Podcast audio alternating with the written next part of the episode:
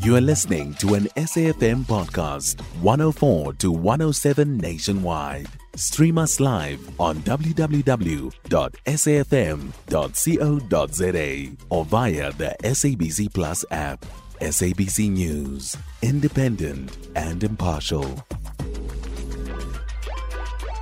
Uganda is facing new economic sanctions over the anti gay law.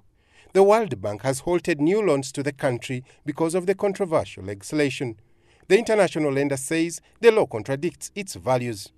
John Walgembe, Ugandan economist, says the decision is likely to hurt Uganda's economy.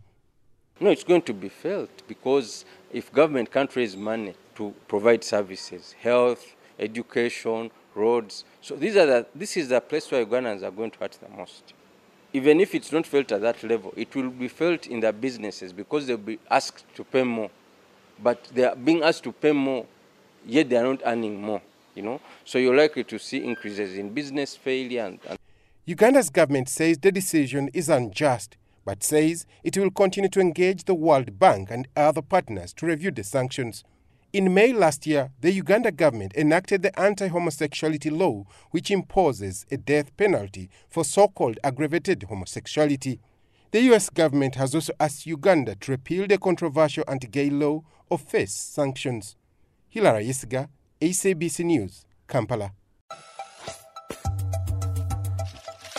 You can find SAFM Current Affairs on 104 to 107 nationwide. Our podcasts are available for download on all our digital platforms. SAFM, leading the conversation.